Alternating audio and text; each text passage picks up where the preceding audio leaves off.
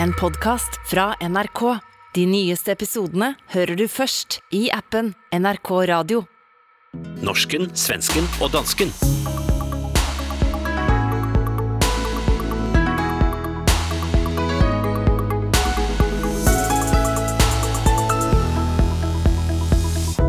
De unge i Norden vil snakke om de vigtige tingene i livet, men er vi redde for de unges alvor? Norges prinsesse Märtha har blitt trailerchauffør i ny norsk film, og sexismepåstander sætter fyr på sociale medier i Danmark. Er det på tide at be om nåde?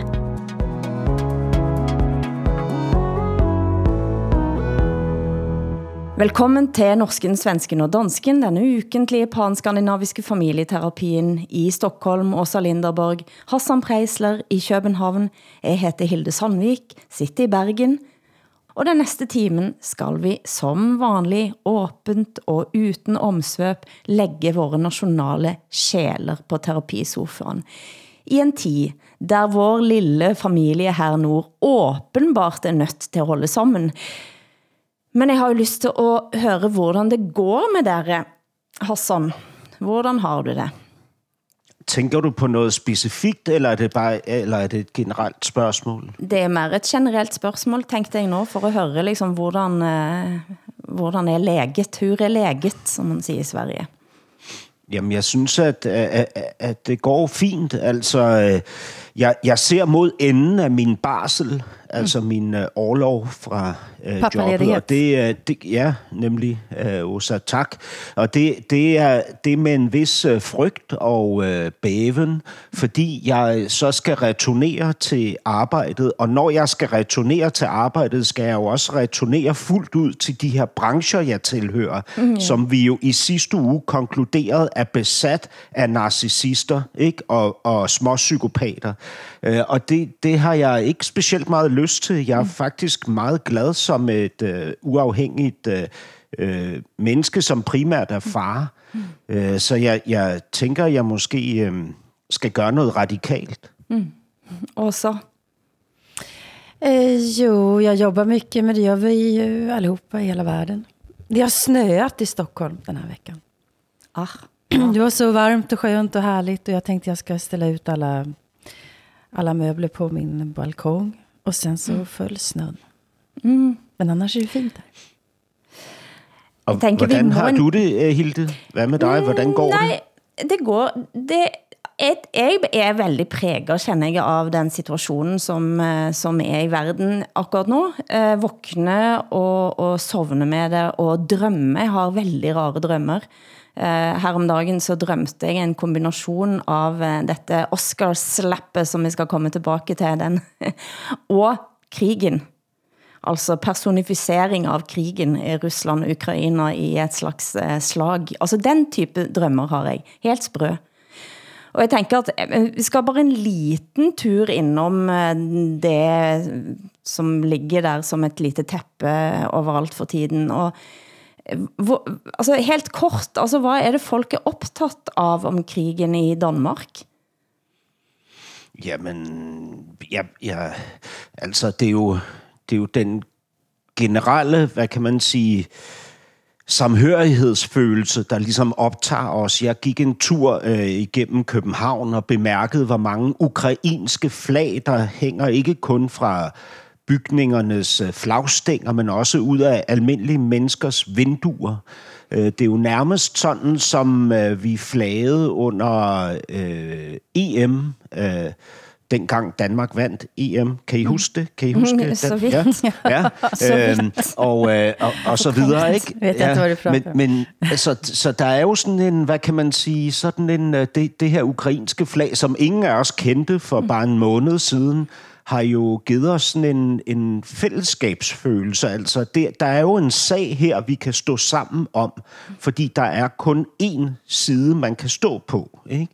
Og det, det, det må jeg sige, det er nok det, der fylder meget. Og så talte Zelensky, den mm. ukrainske præsident for vores øh, folketing. Øhm, det kunne han så ikke gøre i folketingssalen, fordi der er åbenbart ikke nogen storskærm, så det var, foregik i landstingssalen. Og det medførte et lidt besynderligt setup, fordi der er ikke nogen stole i landstingssalen. Så hele det danske parlament, jeg vil tro, at alle 179 medlemmer var der, mm. stod op og så på den her tale.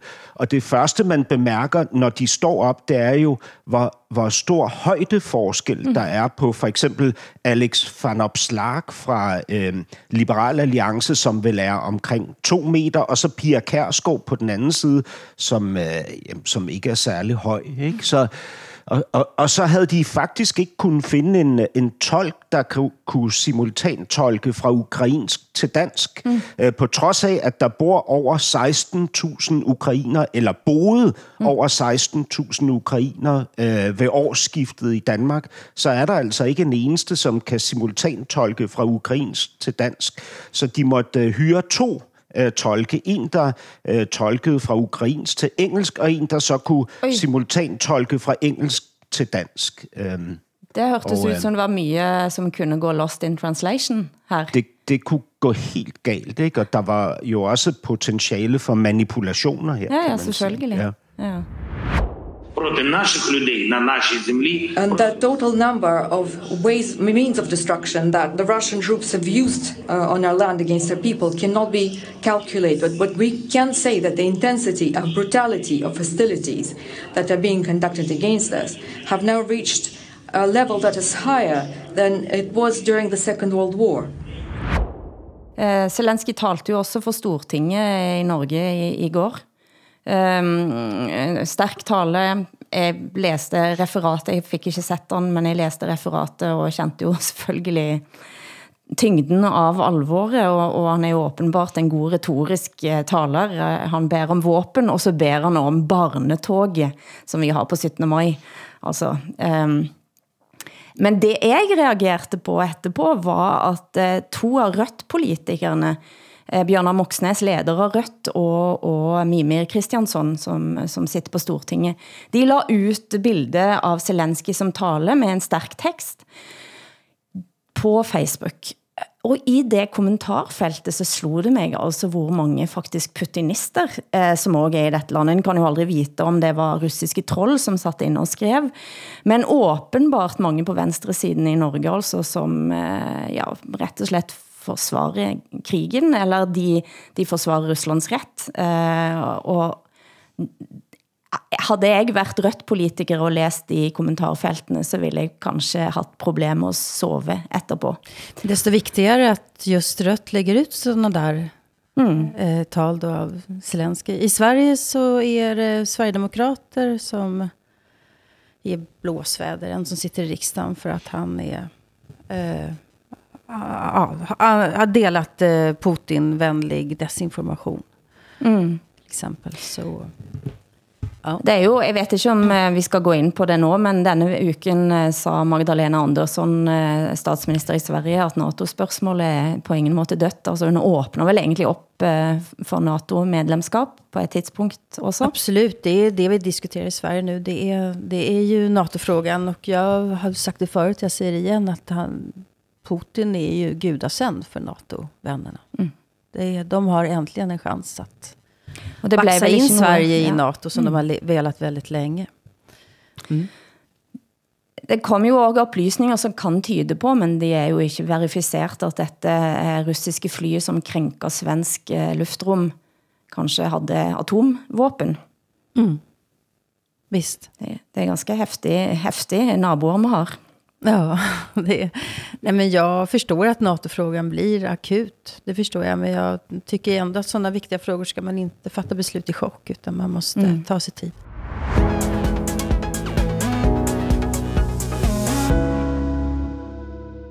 Og så er det likevel sådan, at livene leves. Jeg vet at du satt og så fotball på tv her om kvällen også, og hvordan mm. gik det?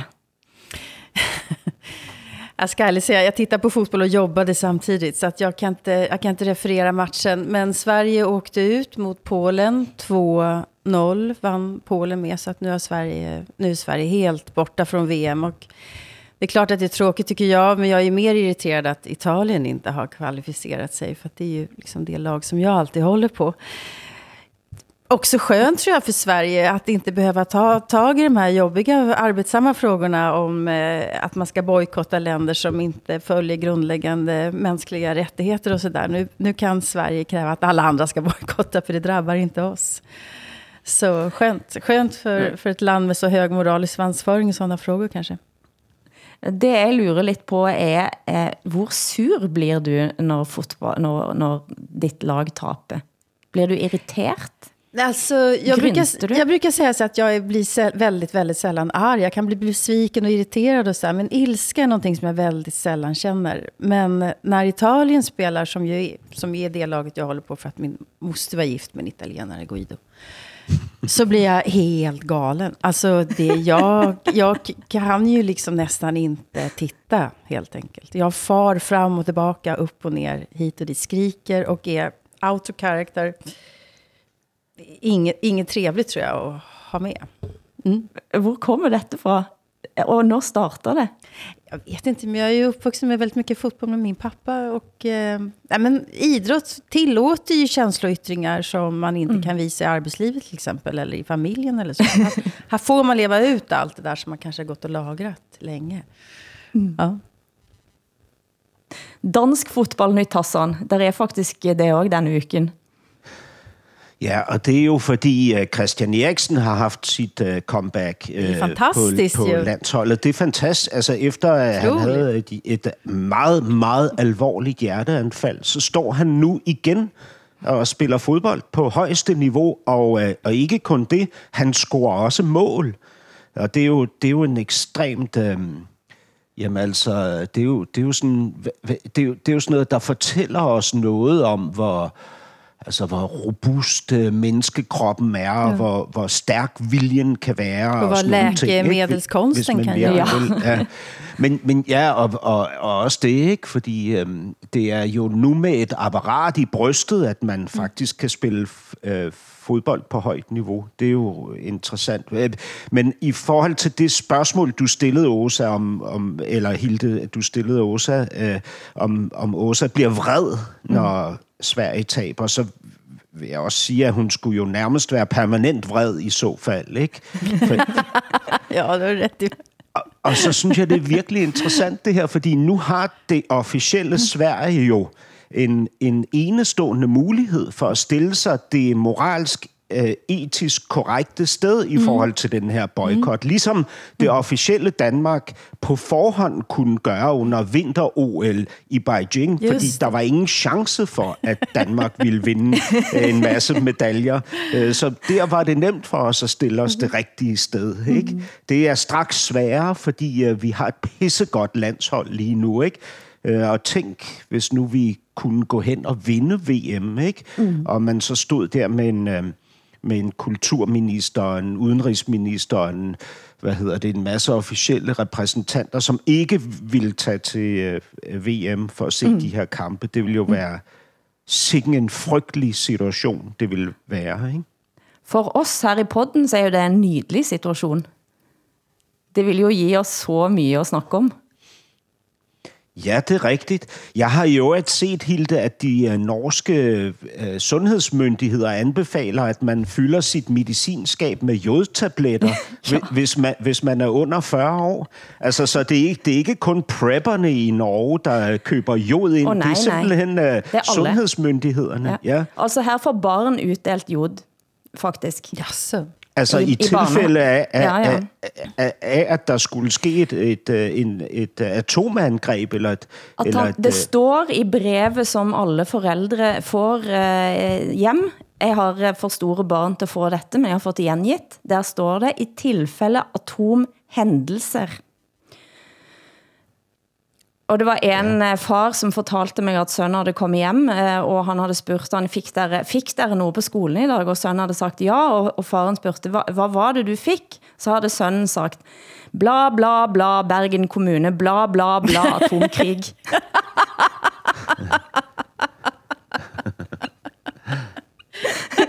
så, så dagens barn må bli herdet av, så det tænker jeg, det kommer til at ske. Du hører norsken, svensken og dansken i SR, DR og NRK.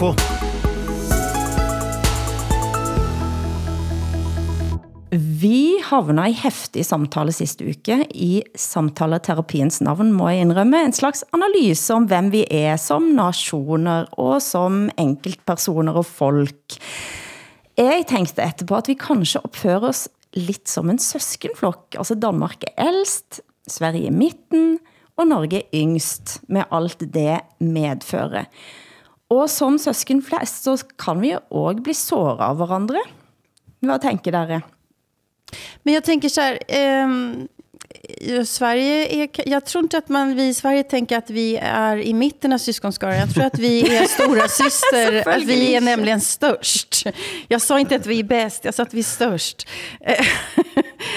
Eh, till både yta och antal. Och jag tror att vi lite grann är också då som stora systern som kanske tror att vi vet bäst. Jag har aldrig uppfattat Sverige som, som i mitten av syskonskaran, men det kanske ni gör? Nej. Jo, helt klart. Og det er jo sådan, at, at selvom man er i midten, så kan man jo godt være størst. Altså, øh, Okay. altså volumen har jo ikke nogen betydning. Det er, det, det, det er jo erfaringen, der tæller, ikke? Og der er, der, altså den danske erfaring i, i, altså ude i livsspørgsmål er jo øh, uomtvisteligt den største. Altså, vi, vi, har, vi har jo eksisteret i længst tid. Det kan vi jo slet ikke diskutere. Det er jo ikke, står ikke til diskussion. Hur, Så- hur, så där- hur, eh, hur märker du skillnaden på att Danmark är så väldigt mycket äldre än Norge och Sverige? Alltså hur mycket mer erfarenhet och på vilka områden tycker du att det märks mest? Jamen altså, det, det er jo svært ligesom at definere erfarenhed. Det er jo, altså, det er jo noget, der skaber karakter. Øh, Okay. Altså karakterstyrke. Jag tänker det är två stormaktsriken som har eh, förlorat sina, sina provinser. Och, Ja, men, men det, der ikke knækker en, bliver man kolonial- stærkere af. Ikke? Ja, du mener det? Ja. Ja, så absolut, ja. Vi har, vi har tabt en del, men vi, vi vandt så meget andet. Ikke? Nå, og Som- hører jeg, nå hører som- ironien, den ligger så tyk utenpå. Nej, det- ikke- jeg greier ikke at ta det seriøst. Det er det, man siger øh, som hele forklaringen på guldalderen. Det er, den danske guldalder, det er, hvad udad til tabes skal, skal indad til vindes. Ikke? Og, øh, og, og så, så begyndte vi at lave smuk, øh, hvad hedder det, naturalistisk mm. kunst, og forholde os til os selv på en mere øh, terapeutisk måde. Men, men jeg tænkte, det, det slog mig jo, da jeg leder samtalen om Norden i en urolig tid i forrige uke. I panelet så var både den danske, finske og svenske ambassadøren til Norge. Det var selvfølgelig masse utenrikspolitik på plakaten, men vi kan ikke stikke under stol, at det har været nogle krævende år for dette fællesskabet i Norden de sidste årene. Og på direkte spørgsmål, så sa altså den svenske ambassadøren Cecilia Bjørnar, at svenskene fremdeles er såre for at vi andre, og særlig Norge, men også Danmark, stengte grænsene. Og at nordmænd og dansker ikke forstår helt ut, hvor såret svenskene egentlig er. Jag tillhör de som tror att vi ganska snart börjar reparera det här. Men jag tror att vi, vi politiker måste ta det på allvar. Att det är, eller jag ser det som en möjlighet. Vi kan ju integreras ännu mer nu. Och få det ännu mer flytande med arbetsmarknader och små företag som behöver båda sidorna. Etc. etc. Hvad tænker du om det, Åsa? Stemmer det? Ja, men det stämmer absolut. Alltså först så fick vi, fick vi krångel med Danmark under flyktingvåren, eller flyktingåret där, när hösten menar jag. När eh, Danmark bara lät alla flyktingar passera Danmark för att de skulle ta sig till Sverige. Vi tyckte inte att Danmark tog sitt ansvar där. Och sen så kom pandemin och eh, Norge eh, stänger gränsen helt och hållet till en stor och vital och viktig eh, handelsplats och människor som arbetar över gränsen och delvis lever över gränsen. Det, det tror jag, ja det är nog faktiskt, sårad är nog det rätta ordet. Faktiskt. Ja. Og det jeg la mærke til, at hun sa, at dette kan vi ikke tåle en gang til. Eh, og da tænkte jeg, at i den situationen, som vi står i nå, eh, så er der veldig mange ting, som kommer til at blive krævende. Og da i samtaleterapiens navn, altså vi kan jo ikke ende op som søsken som krangler, når verden ser ut sådan som den gør. Og hvad gør vi da? Eller är Jag- du enig med mig? Jag är absolut enig med dig och jag har ju alltid varit en förespråkare för mer nordiskt samarbete och skandinaviskt samarbete. Och I Sverige ser vi också hur viktiga Finland är för oss. Mm. Så eh, det är klart. Det är klart att jag... Men jag undrar att vi kan inte... Den svenska ambassadören i Norge säger det här kan vi inte tåla en gång till. Så undrar jag med vilka, vilka metoder, vilken kraft, vilken kraft kan Sverige sätta bakom sådana ord? Hur kan vi förhindra att Norge gör det en gång till?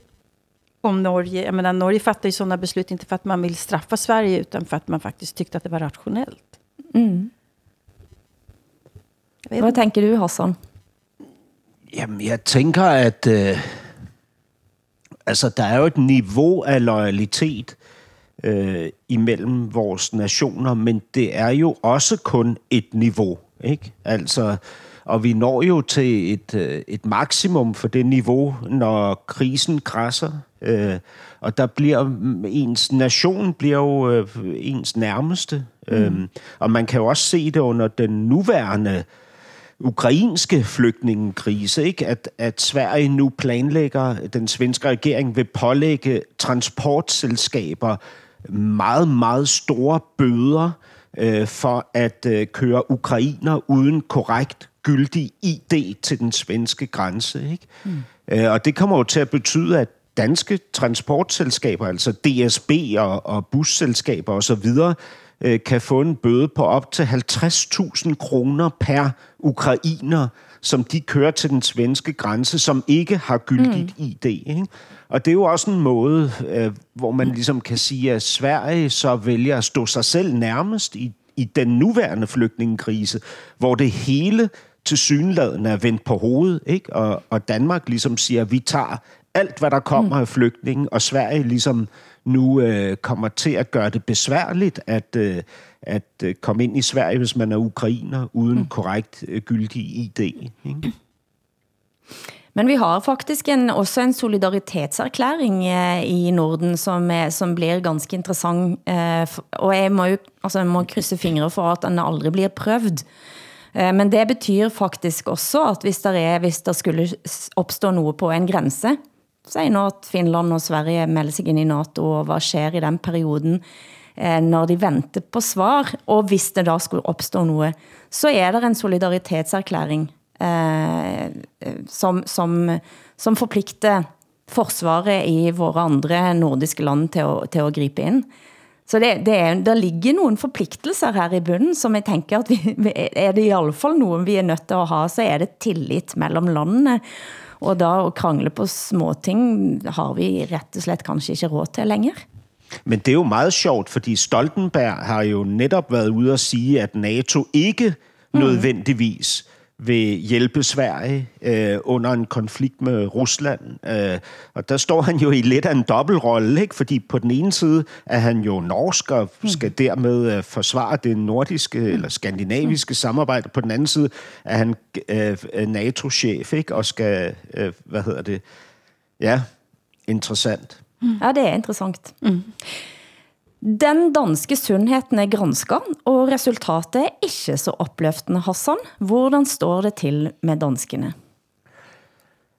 Jo, altså man kan jo sige, at generelt så bliver vores levealder øh, forhøjet, både for mænd og kvinder, og, og sundheden sådan bredt set øh, er også øh, i bedring. Men der er især to områder, hvor det ikke går godt. Øh, Det ene er den mentale sundhed, og den anden er øh, de unges sundhed. Mm. Øh, og det er faktisk øh, trivselen, som, øh, som er, er central i begge tilfælde. Altså, selvom vi lever længere, øh, og, og, og fordi vi lever sundere, så får vi ikke flere gode år i vores liv. Altså, hverken som befolkning i, i sin helhed, men, men altså, øh, eller som, som unge. Ikke? Mm.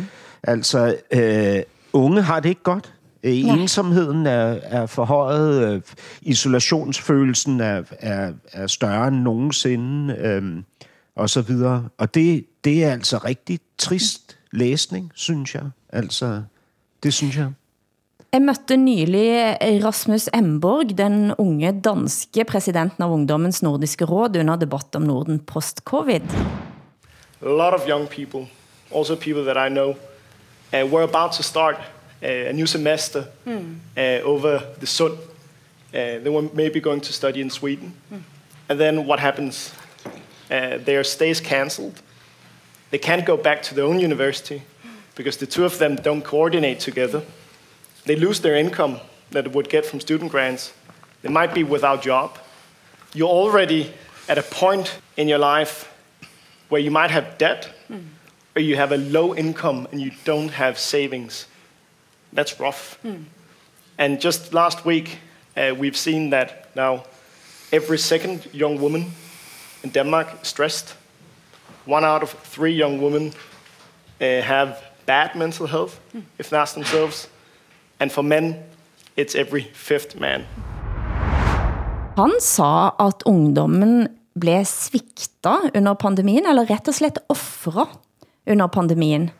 Eh, og, og snakke om en generation, som føler sig veldig både i skvis, men som føler sig udsat også til at skulle fikse op i en verden, som, som ikke, ikke ser bra ut i øjeblikket.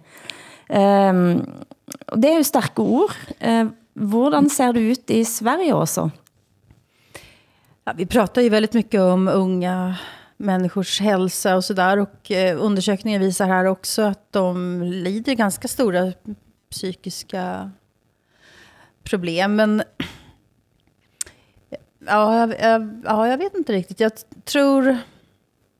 Ja, det, är så, det är så väldigt mycket som ligger på unga människors axlar idag. Alltså det, finns inte, det, är så, det finns nästan ingenting positivt som har hänt eh, de senaste 20-25 åren som, liksom, som de kan andas ut i eller känna sig att det här har vi ändå uppnått.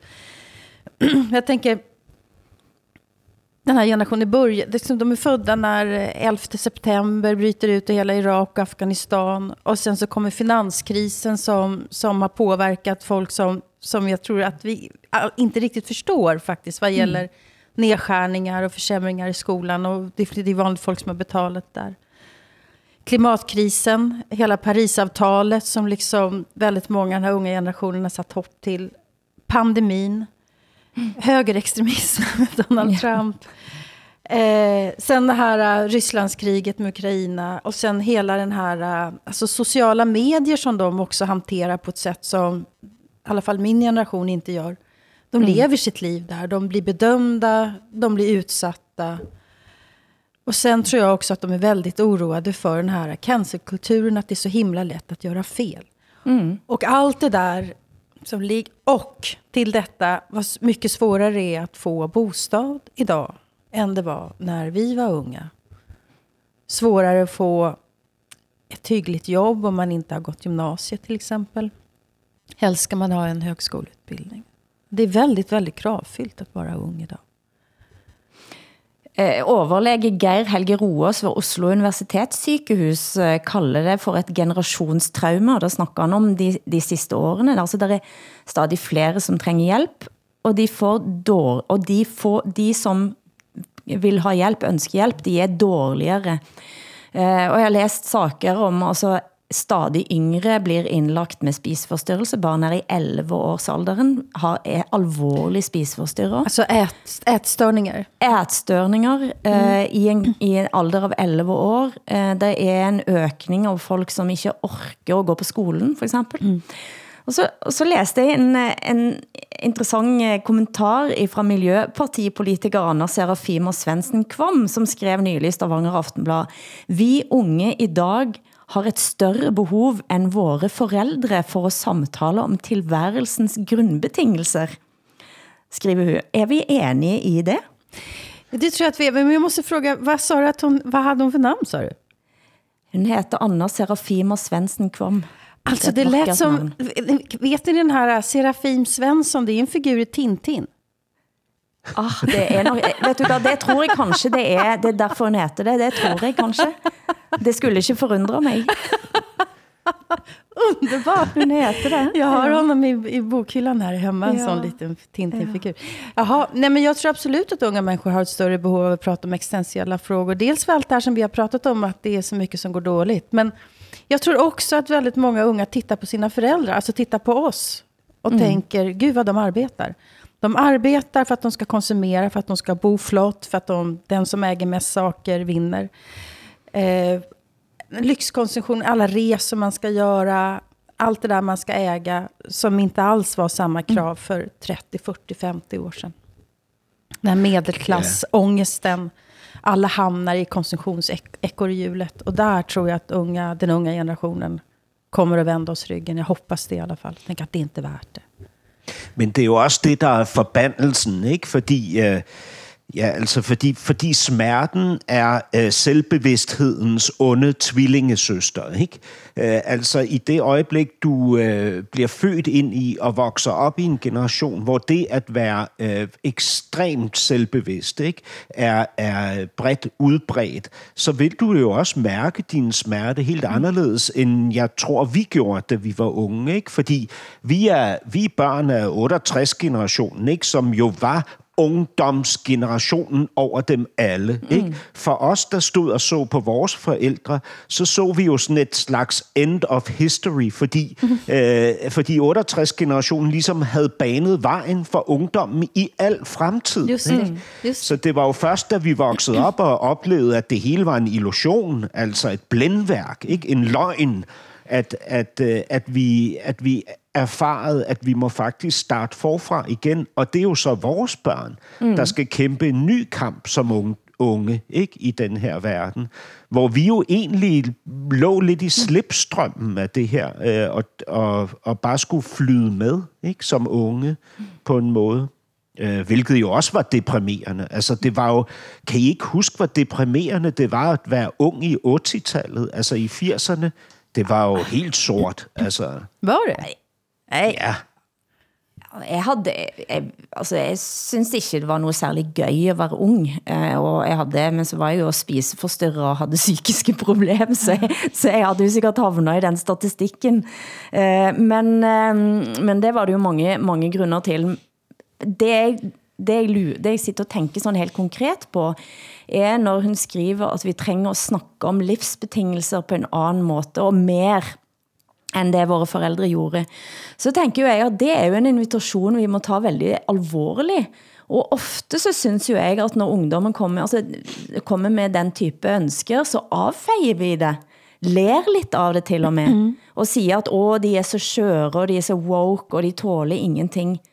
Ja. Eh, ja. Ja, intressant att du säger det. Jag tror också att vi tänker så här, åh vad de, vad de ska vara pretentiösa, lägga pannan i väck och låtsas att Ja. de förstår eh, vad livet går ut på, eller psykologiska frågor, filosofiska frågor, vad vet de? Jag tror att vi känner oss lite hotade av en yngre generation som vill prata om de här frågorna som vi själva inte riktigt vågar prata om. Eller har förmåga att prata om, inte hinner prata om för att vi, livet är fullt av arbete bara. Känner ni er hotade av unga människor när de kommer och säger att de vill prata om viktiga frågor? Helt klart. Ja, Visst är det jobbigt? absolut. Det är arbetsamt. Ja, ja, absolut. Og samtidig så, øh, så håber jeg jo også, at deres, øh, hvad kan man sige, frigørelse netop bliver en frigørelse mm. af mig. Ikke? Mm. Mm, ja, så, ja, visst. så, så det er jo en, en dobbelt øh, hvad hedder det, oplevelse. Ikke? Mm. Dels føler jeg mig truet, og dels ønsker jeg, mm. at de får flået sig fri af sådan en gammel, sur, mm. bagstræberisk mand, som jeg er. Ikke? Jeg tror, jeg har blitt krevd av den yngre generationen og steppet up. Mm. Altså, det, det, har, det er jo ikke noget s- alltid let. Mm. Uh, men det er jeg også veldig glad for. Mm. Altså, du blir krevd, du blir avkrevd mer seriøse svar, end jeg kanskje havde lyst til at gi. Mm. Nej, men så... Men det jeg i hvert er har det. tænkt, det er at uh, altså når Zetland, dette er independent media i Danmark, nu har man skiftet logo, Z, for ikke virke som... Zeta på svenska. Ja, Zeta, mm. for ikke at virke som Putin-propaganda. Så må i alle fall generation Zeta få lov til at skifte navn nå, eller? Har de satt den här bokstaven på sig själva eller är det vi som ska döpa, döpa om den? Det vel, akkur- det er vi som døper om denne generasjonen. Vi kan tænke på det til næste gang, om vi kan finde en ny, eller få ind nogen, som kan give os et forslag på en ny, nytt navn på denne generationen, tænker jeg. kan vi göra. Det danske kongehuset er også i trøbbel, læser jeg Hassan. Hun skylder Rusland det meste, skriver Ekstrabladet. Og det er så selvfølgelig hun, er dronning Margrethe, og hvordan opfattes det? Øh, ja, altså det, det er jo en ret vild øh, kommentar fra Kim Bak, som er royal kommentator på Ekstrabladet, som ligesom gør os alle sammen opmærksom på, at, at vores dronning Margrethe jo tilhører øh, altså den del af kongeslægten, som blev indsat øh, alene fordi den russiske zar øh, havde den største taktstok og dermed kunne bestemme, hvad der skulle foregå i mindre europæiske nationer på den tid her for faktisk øh, ikke så længe siden, få hundrede år siden. Ikke? Men jeg må bare rette ind om det svenske kongehuset i tillæg, på, eh, fordi det er jo interessante ting, som sker der også. Eh, Også spekulationer, og denne uken så kom der helt ferske bilder av eh, kronprinsessen. Og det var lidt av nogle bilder. Ja, det var precis. Kronprinsessan Victoria har låtit fotograferas och det är helt annorlunda bilder. Vi, vi är vana i Sverige med att hon alltid är så glad och skrattar och att hon har håret i en anspråkslös eh, tofs här på ryggen. Och nu är hon otroligt drottninglik eller regentlik på de här fotorna. Vel, Nok så stor kontrast til den norske prinsesse Märtha, som altså... Vad har hon gjort nu? Berätta, vad har Märta Louise gjort nu? Hun, har altså, hun er med på en film, Lange flate baller. Va? Tre. Eh, som er altså en slags eh, komedie fra Fredrikstad. Der hun er en bannende pepperspray-skytende trailerchauffør. Ah, sorry, sorry, det var ikke mening. Unnskyld. Jeg kjører så jævlig mye på kontinenter, skjønner du. Det er så mange som vil ha denne lekre skrotten. Så jeg må jo forsvare meg. Jeg, sorry, Ja, det går altså. bra, det går bra. det går bra. Du får ta noe vann eller et eller annet på. Det pleier å gå sånn semifort bort da, i hvert fall. Du ligner veldig på hun prinsessa. Jeg er så dritlei av å høre det, ass. Ja, men du gjør jo det. Kjører vel faen ikke semitrailer, vel. Snakkes. Det ser man kanskje heller ikke for sig, at eh, de danske eller svenske tronarvingene, nå har, har hun sagt, altså hun har en prinsessetitel fremdeles, men lever nok så på siden av kongehuset. Jag har sån respekt för henne för det. Att hon är liksom född in i någonting som hon inte har bett om. Och vill liksom leva ett annat liv. Vilken uh, gyllene bur en del liksom, kungligheter helt enkelt hamnar i kan man säga. Mine øjne, de skal se, se på det, de gerne vil. Se så dybt, at jeg forsvinder. Selvom kærlighed gør blind, skal de bore sig derind, hvor det er din sjæl, de finder.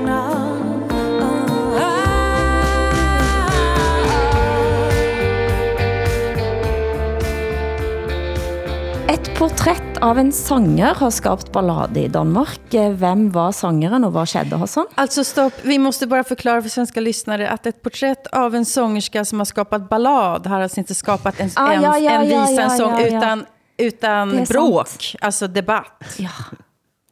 Dette har vi snakket om En ballad en ballad här, alltså en sång. Jag har skapat En bråk. Ja. har skabt bråk. Hvem var sangeren, og hvad skjedde, Hassan?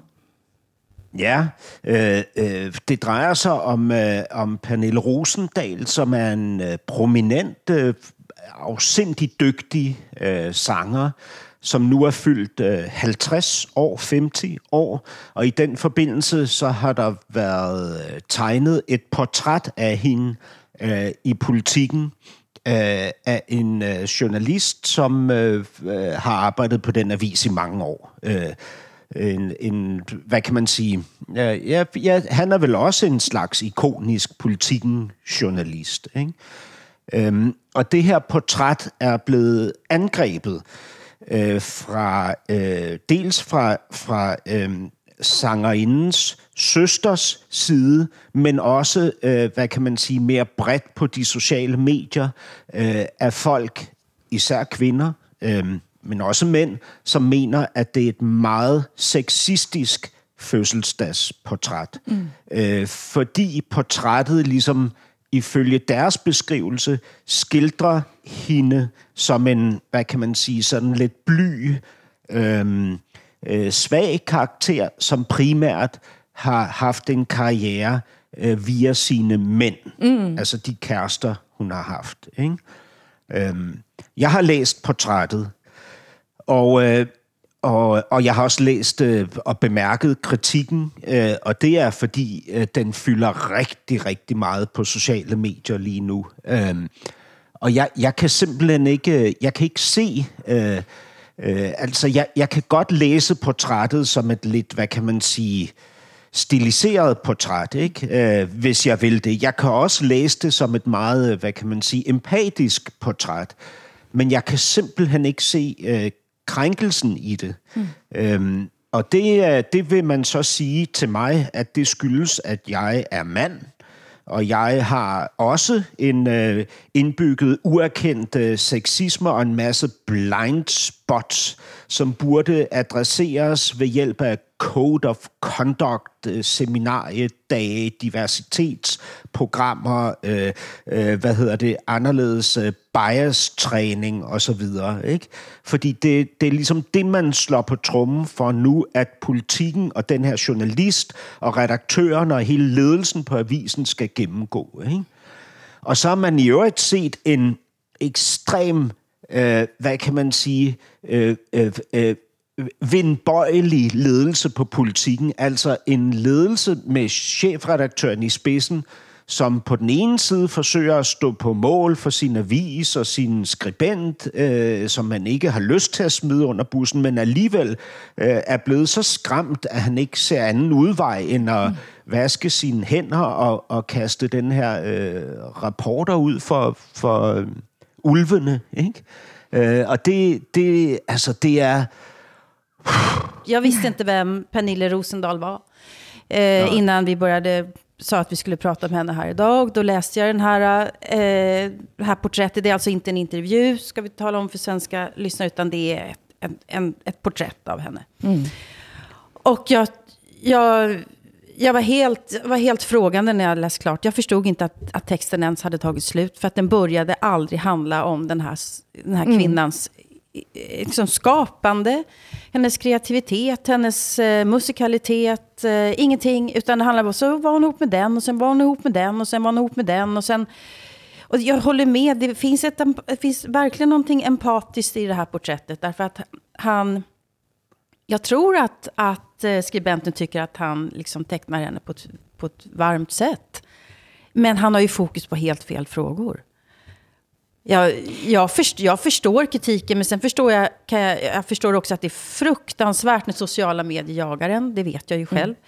Jag tycker att det är riktigt dåligt av hans chefer att inte stå upp för den här publiceringen. Mm. För den har de faktiskt, det är de som ytterst har ansvaret för det här. Men, men eh, jag, jag tyckte att det var ett förfärligt födelsedagsporträtt faktiskt tycker jag. Ja, altså så, sådan havde jeg det ikke med det portræt, men, men det, det er jo, hvad kan man sige, det, det kan jo diskuteres, og det skal det jo også, altså naturligvis, og det er jo legitime holdninger at synes, at det er et, et portræt, der ligesom underkender øh, det her individs egen præstation. Ikke? Det, er, det er jeg sådan set med på, at, at vi skal kunne debattere. Øh, mm. det, det, der gør det virkelig skræmmende for mig, det er, at man ligesom i kollektivet opererer sig ind i den her mands hjerne, og ligesom har, kan, bilder sig ind, at man har indblik i, hvordan han ser på verden og på kvinder. Ikke? Og de her, de her tendenser, synes jeg, er, er altså ekstremt skræmmende, fordi, øh, fordi jeg har jo fået tegnet masser af portrætter af mig gennem årene, som jeg ikke har været glad for som har, altså, som har fremhævet for eksempel min etnicitet, hvor jeg ikke synes, den havde nogen som helst betydning. Øhm, Og, og, og der kunne jeg jo øh, lynhurtigt tilføje, at det her handler om uerkendt racisme. Mm. Men, men det mener jeg ikke, det gør. Jeg mener ikke, at det, at det er sådan, vi ligesom kan stille os op og forlange øh, øh, samfundsforandring i det øjeblik, vi mm. bliver kede af det eller vrede over noget, der bliver øh, tegnet af os i offentligheden. Men alltså det, det är klart att man inte kan, kan gå in i den här skribentens hjärna och säga att sån här är han. Med ett enda, en enda text som, som exempel. Men däremot så tror jag att, att eh, det skulle vara intressant att höra hur, hur det här utläggs, alltså beställningen att just han ska skriva det här porträttet, hur Mm. det gick till. Det kan vara så att eh, ingen annan vill göra det och han säger okej, jag gör det. Jag kan inte hennes musik särskilt bra, men jag gör det. Jag, jag bara fantiserar här nu, jag, för jag har jobbat på tidning i så många år, så jag vet hur det här kan gå till. Eh, det är bråttom, det ska vara- klart om två dagar och så vidare. Och sen så hastar Mm. man ihop någonting och där är texten. Och sen, sen kan det definiera hela ens fortsatta liv som skribent. Därför att det kan vara väldigt bråttom. Jag bara gissar, jag försöker hitta en utväg för den här, den här skribenten. Men det är ingen bra text. Men det har du Det är, fuldstændig alltså, om, man, om man som jag inte vet någonting om den här, den här sångerskan så är det enda jag får veta nu, det är alla män hon har levt med. Først og fremmest så tenkte jeg mer at det var en gammeldags tekst. Ja, Eh, det og er jeg så, jeg så ikke for mig helt, hvordan den ville kunne blitt publisert eh, sådan uten videre i et stort dagblad i Norge. Eh, det, men det, det kan jo fint ske. Men jeg, jeg synes det var en, jeg synes det var gammeldags. Ja. Det er, som et, det er Altså- et sånn gammelt blikk, så jeg, nå tenker jeg ikke på journalistens alder, men det er et gammelt blikk innover, eh, innover hvad man ser. Og et eksempel, altså nu har det været Oscar-utdeling i, eh, i eh, USA, det bliver ikke noe no Oscar for nogen av oss, og jeg kan vel røpe her, jeg har ikke turt at sige det før, at jeg holdt en knap på danskene, fordi jeg var ikke noget særlig begejstret for det norske bidraget. Det var, jeg havde været næsten umulig at, at sige. Det norske bidraget var det halvt danske filmregissøren Joachim Trier, eh, som, havde, som havde lagt, eh, mens jeg håbte på flugt, det danske bidraget. Men eh, det som er interessant er at æres Oscar gik til Liv Ullmann. Alltså jag blev så glad med detsamma og så tänkte jag nu kommer jag bara till att gå og le. Men så har jag blivit nervös för talen min och så pludselig har jeg gruet mig så väldigt för att komma här. Och genert och eh, ja. Har hun en position i Sverige også, kan jeg først Ja, det kan man ju säga att hon har. Ja. Hon är en av våra största, våra säger jag, största Ja, skådespelerskor. Jag säger det. Vi räknar henne nästan som lite halvsvenska. Och hon har gjort jätte, jättemycket med, med Ingmar Bergman. Men jag måste Ja. fråga, blev ni i Norge förvånade över att Linda Ullmann fick en heders-Oscar? Alltså har ni Nej. någon gång Ja. förstått hennes storhet riktigt? Nej, og det var netop mitt poeng. For dette gammeldagse blikket, eh, som jeg på en eller anden måte synes at læse ind i denne danske artiklen om Pernilla Rosendal, så er det blikket, som har været på Liv Ullmann gennem tidene, er altså pinlig eh, at, at, at tænke på. Hun har på ingen måte fått den position, som hun burde hatt.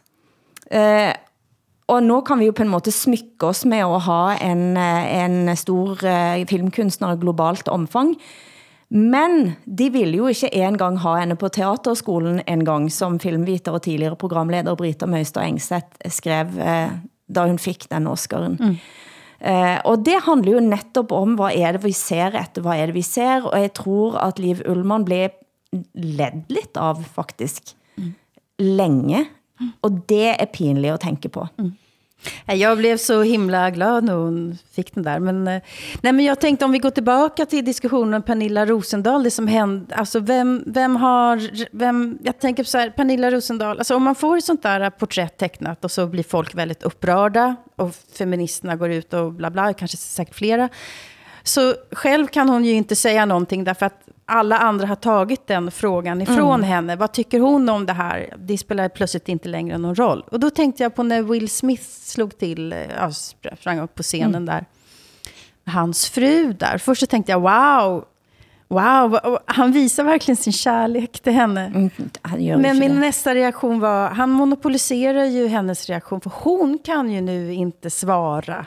Mm. Eh, därför att det har han gjort åt henne. Jeg vet inte, hvad tænker ni om det der? Jamen altså, for, for, for mig, jeg, jeg sidder og lider lige nu, ikke? fordi jeg, jeg føler mig jo på en eller anden måde splittet. Jeg kan mærke, at min argumentation ikke holder. Jeg, jeg, er, jeg er forvirret omkring det her, og, og, og der er også iblandet en hel masse frygt, naturligvis. Ikke? Og, og frygten handler om kategoriseringen, naturligvis, ikke? som det dårlige menneske. Altså, at jeg kan, også kan risikere den hele tiden. Ikke? Øh, og og, og jeg, jeg er simpelthen, jeg, jeg, jeg er simpelthen øh, forvirret i forhold til, øh, altså øh, gr- grundforvirret i forhold til, hvordan vi nogensinde skal komme videre i den her øh, Mm. kollision, der hele tiden er mellem kønnene, for eksempel, for eksempel på bagkant af sådan et portræt, ikke? Mm. Som, som I jo nok har ret i, at hvis jeg blev udsat for, øh, for noget øh, øh, tilsvarende med omvendt foretegn, øh, nu når jeg prøver at sætte mig ind i det, så vil jeg blive ked af det og vred.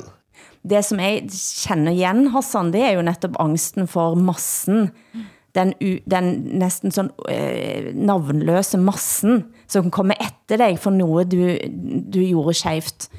Så jeg skulle, jeg skulle ønske, at vi kan bringe ind igen, og det gælder også forholdet mellem Norge, Sverige og Danmark. Vi må bringe ind igen nådebegrebet. Ja. For selv, selv om det ikke er noget religiøst eh, samfund, vi bor i noget særlig grad, hverken i Norge, Sverige eller Danmark, så trænger vi nåden. Og det forsvinder veldig ofte i denne type hylekor.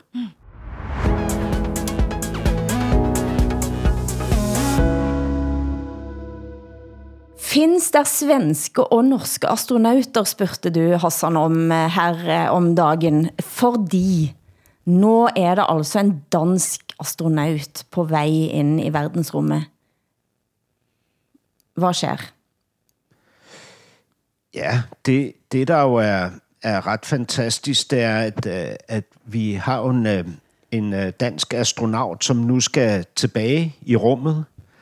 Øhm, og, øhm, og det glæder os jo stort, at Andreas Mogensen nu kan gå fra øh, at have tilbragt 10 dage øh, deroppe til at komme til at tilbringe et halvt år på den internationale rumstation.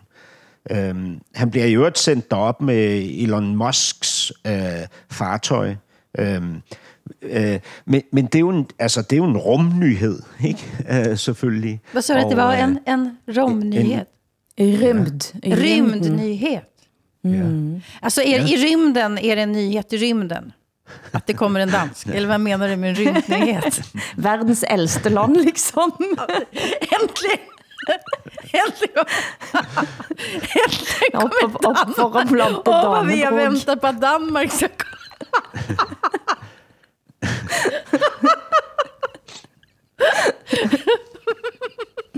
Det bliver Undskyld. vakkert. Nej, det har du bare siddet og ventet på, Åsa. Skulle ni vilja åka ut i rymden? Inte jag. Alltså jag får sån, jeg får sån ångest på tanken på att åka ut i rymden.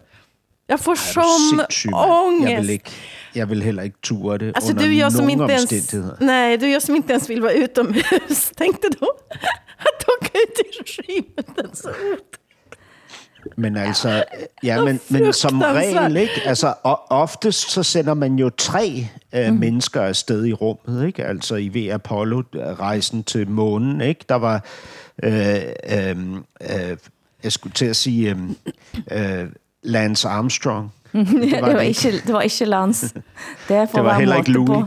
Det var Neil. Mm. Øh, og så Buzz Aldrin, og så, og så den tredje astronaut også, ikke? Michael Collins, mm. øhm, som, som var på den frygteligste af de tre, øh, øh, af de tre øh, opgaver, ikke? fordi han skulle flyve alene rundt, rundt om bagsiden af månen i komplet mørke og uden radioforbindelse til hverken sine kolleger på måne øh, overfladen eller, eller øh, hvad hedder det, planeten Jorden. Mm. Men altså, hvad, hvad hvis man sendte os tre op i rummet? Mhm. Mm-hmm. Hvem, hvem skulle hvad?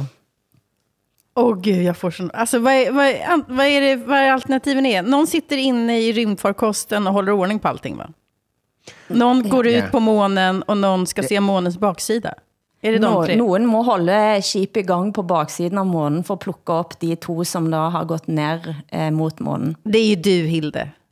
Det ju din Jeg uppgift. vidste det. Ja, jeg vidste, det, jeg du vil faktisk også sige sige, det. at det er Hilde, der skal om på, på The Dark Side of the Moon. Ja, ja. det, så är det ju. Og, Mm. Men, og, men spørgsmålet er så, Åsa, når vi to så flyver ned med det her månelandingsfartøj, hvem af os to skal blive i fartøjet, og hvem skal ud og gå på månen Aha. som den første?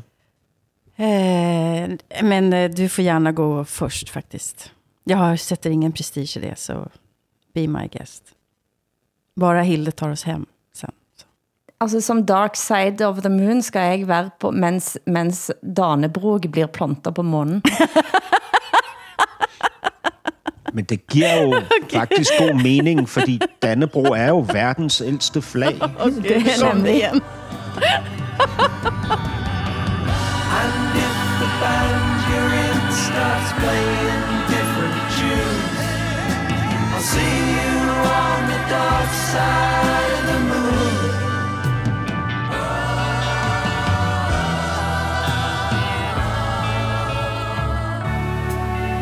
Det är klart att Danmark ska vara først på Det blir sidste ord for oss i ukens Norsken, Svensken og Dansken. Producent har været Eskil Paus, tekniker Hans Christian Heide. Tak Hassan Preisler i København og så Linderborg i Stockholm. Jeg heter Hilde Sandvik på baksiden av månen.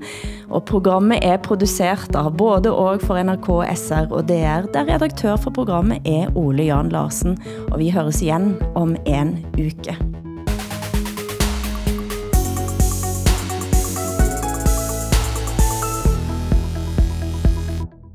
Du har hørt en podcast fra NRK. De nyeste episodene hører du først i appen NRK Radio.